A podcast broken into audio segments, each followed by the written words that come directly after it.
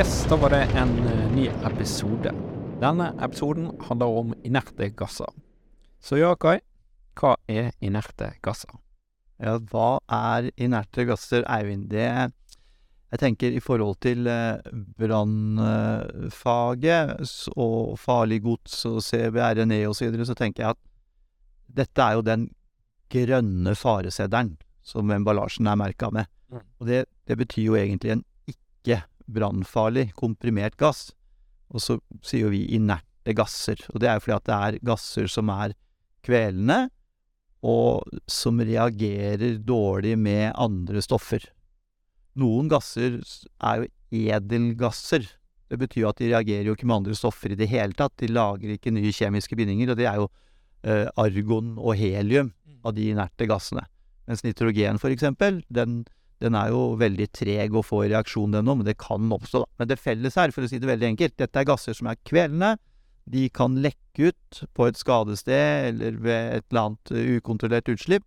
Og så vil det da, avhengig av omkringliggende forhold, eh, fortrenge oksygenet i atmosfæren rundt, da. Ja, ok. Eh, du sa nitrogen.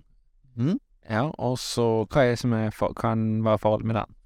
Det er jo det at hvis han, hvis han lekker ut, så Og omgivelsene er sånn at si at det er trange rom, eller lukka rom, og mengden nitrogen som lekker ut er så stor at du reduserer oksygennivå f.eks. til 15 da.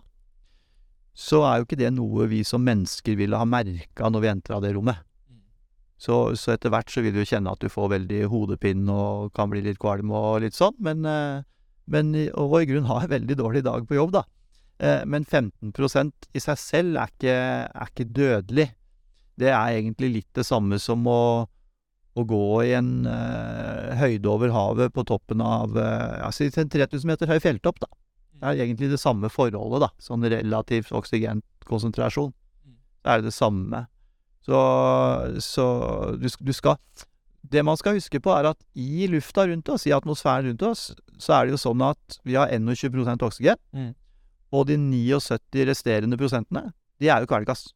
Det er jo nitrogen og argon. Mm. Så vi er altså omgitt med en atmosfære hvor 79% av atmosfæren prøver å ta livet av oss ved kveling. Oi. Det er jo faktisk satt på spissen, så er det jo sånn. Og så er det heldigvis 21% der med oksygen for å ta vare på oss.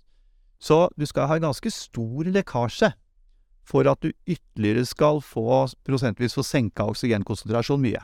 Men det er det som er risikoen, da. Og så kan du si at eh, hvis du kommer ned i en oksygenkonsentrasjon under 10% i et rom, Mm.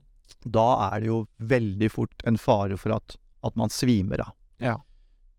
Sånn, sånn brannfaglig så er jo en kul ting, de av dere som er godt kjent med sånn eh, brannslukningsgasser, som argonite og inergen for eksempel. ikke det nitrogen i vanlig pulverapparat pulverapparat? Ja, det er trykklada med nitrogen. Ja, Og det er bare for å drive ut pulveret, så det har ingen slokkeeffekt i seg selv i forhold til et pulverapparat. Nei, nei. Det er bare et pulverapparat, det er trykklada med ja, ca. 16, Ja, 16 bar med, med, med nitrogen, da. ja. ja. Men, eh, men det som er med disse andre slokkegassene, da, eksempel i et, eh, i et datarom, Mm. eller uh, i et kommandorom, altså et eller annet sånn viktig sted, som kritisk infrastruktur og sånn, så, så, så er det jo noen sånne prinsipper at du tømmer inn en blanding av eh, nitrogen og argon gjerne, noen ganger også litt CO2, hvor hensikten er at du har regna ut romvolumet, og så sier du hvor mange kubikkmeter med inert eller kvelende gass må jeg ha inn her for å senke oksygenkonsentrasjonen under 13% Ja. For under 13% med normale branntemperaturer, da slutter alt å brenne. Så hele prinsippet for brannslukking er å senke oksygenkonsentrasjonen til 13 noe som relativt sett ville tilsvart at du var oppe og gikk på en fjelltopp på rundt 5500 meter. Såpass, ja. Man bør jo kanskje tenke seg litt om eh, for å gå inn i et rom som er nettopp eh, flushet med det, da. Ja, det bør du absolutt ikke gjøre, da. Og du kan, du kan si at sånn innafor industrien som vi jobber, så, så er det jo vår oppgave å hjelpe disse kundene våre med å forstå at Altså, det gjelder jo alle gasser. De må jo være inne i flaska, inne i rør, inne i slanger osv. De skal ikke på avveie. Fordi at ja, hvis nitrogen, argon, karbondioksid f.eks., hvis det kommer på avveie, det er store nok mengder i forhold til atmosfæren det slipper ut i, så senkes oksygenkonsentrasjonen, og så i verste fall så dør man. Ja. Så hovedproblemet er jo det at man faktisk bare blir kvelt, da. Du blir rett og slett kvelt av oksygenmangel. Ja. Og så er det litt viktig å huske på, fordi dette skjer nemlig. Mm. Uh, Og, og det skjer ikke ofte, men det skjer for ofte. Og det som er viktig å huske på, er at hvis et menneske får hjertestans som følge av oksygenunderskudd, Mhm. hjertet faktisk stopper, så er det nesten umulig å få det i gang igjen. Altså det å koble på en hjertedefibrator, eller trykke 32 og holde på, det har Vi må selvfølgelig gjøre det, men, men virkningen er veldig, veldig dårlig. Mm. Så, så jeg kommer ikke på noen eksempler hvor folk har blitt utsatt for oksygenunderskudd, funnet livløse, og hvor dette har gått bra. Ok. Ja. Faktisk. Så det er ganske alvorlig, da.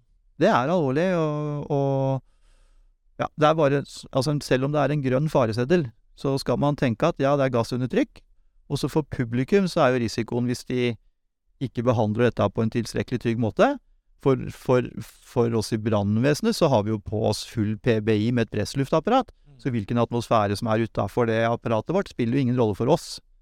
Men, eh, men kommer man på et sånt skadested, og man skal gjøre livreddende, så, så er det jo veldig fint å kunne slenge på en, en kompismaske og ta med inn og få tredd på frisk luft på en som kanskje er langt inne i et bygg, da, som skal reddes ut. Ja, hvordan gjenkjenner vi dette her, da? Er det noe lukt, eller noe smak, eller noe sånt? Ingenting. Så du bare bom. Bom. Rett og slett. For tenk deg selv, ikke sant, som jeg sier i stad. Hvis du trekker inn eh, gjennom nesa alt du kan, så kjenner jo ikke du noen av bestanddelene i lufta. Så eneste måten å ha kontroll på atmosfæren rundt oss, i forhold til den type lekkasjer som det er, det er å måle.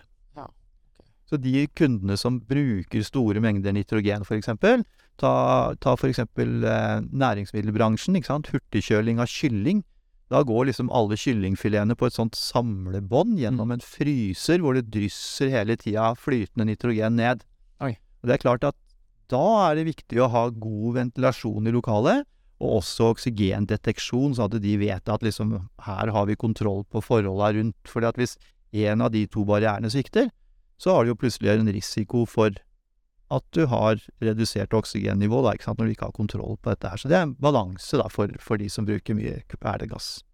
Men hvordan skal vi håndtere dette her, da, hvis, eh, hvis vi har et rom da fullt av Er det bare å lufte, da, eller? Da er det jo egentlig bare å lufte. Ja. Så, ja, uten at jeg Men jeg bare tenker tanken at eh, litt sånn i forhold til området rundt, at kanskje hvis det er litt langt inne i et bygg, eksempel, altså prøve å trykksette med noen vifter og sånn, da.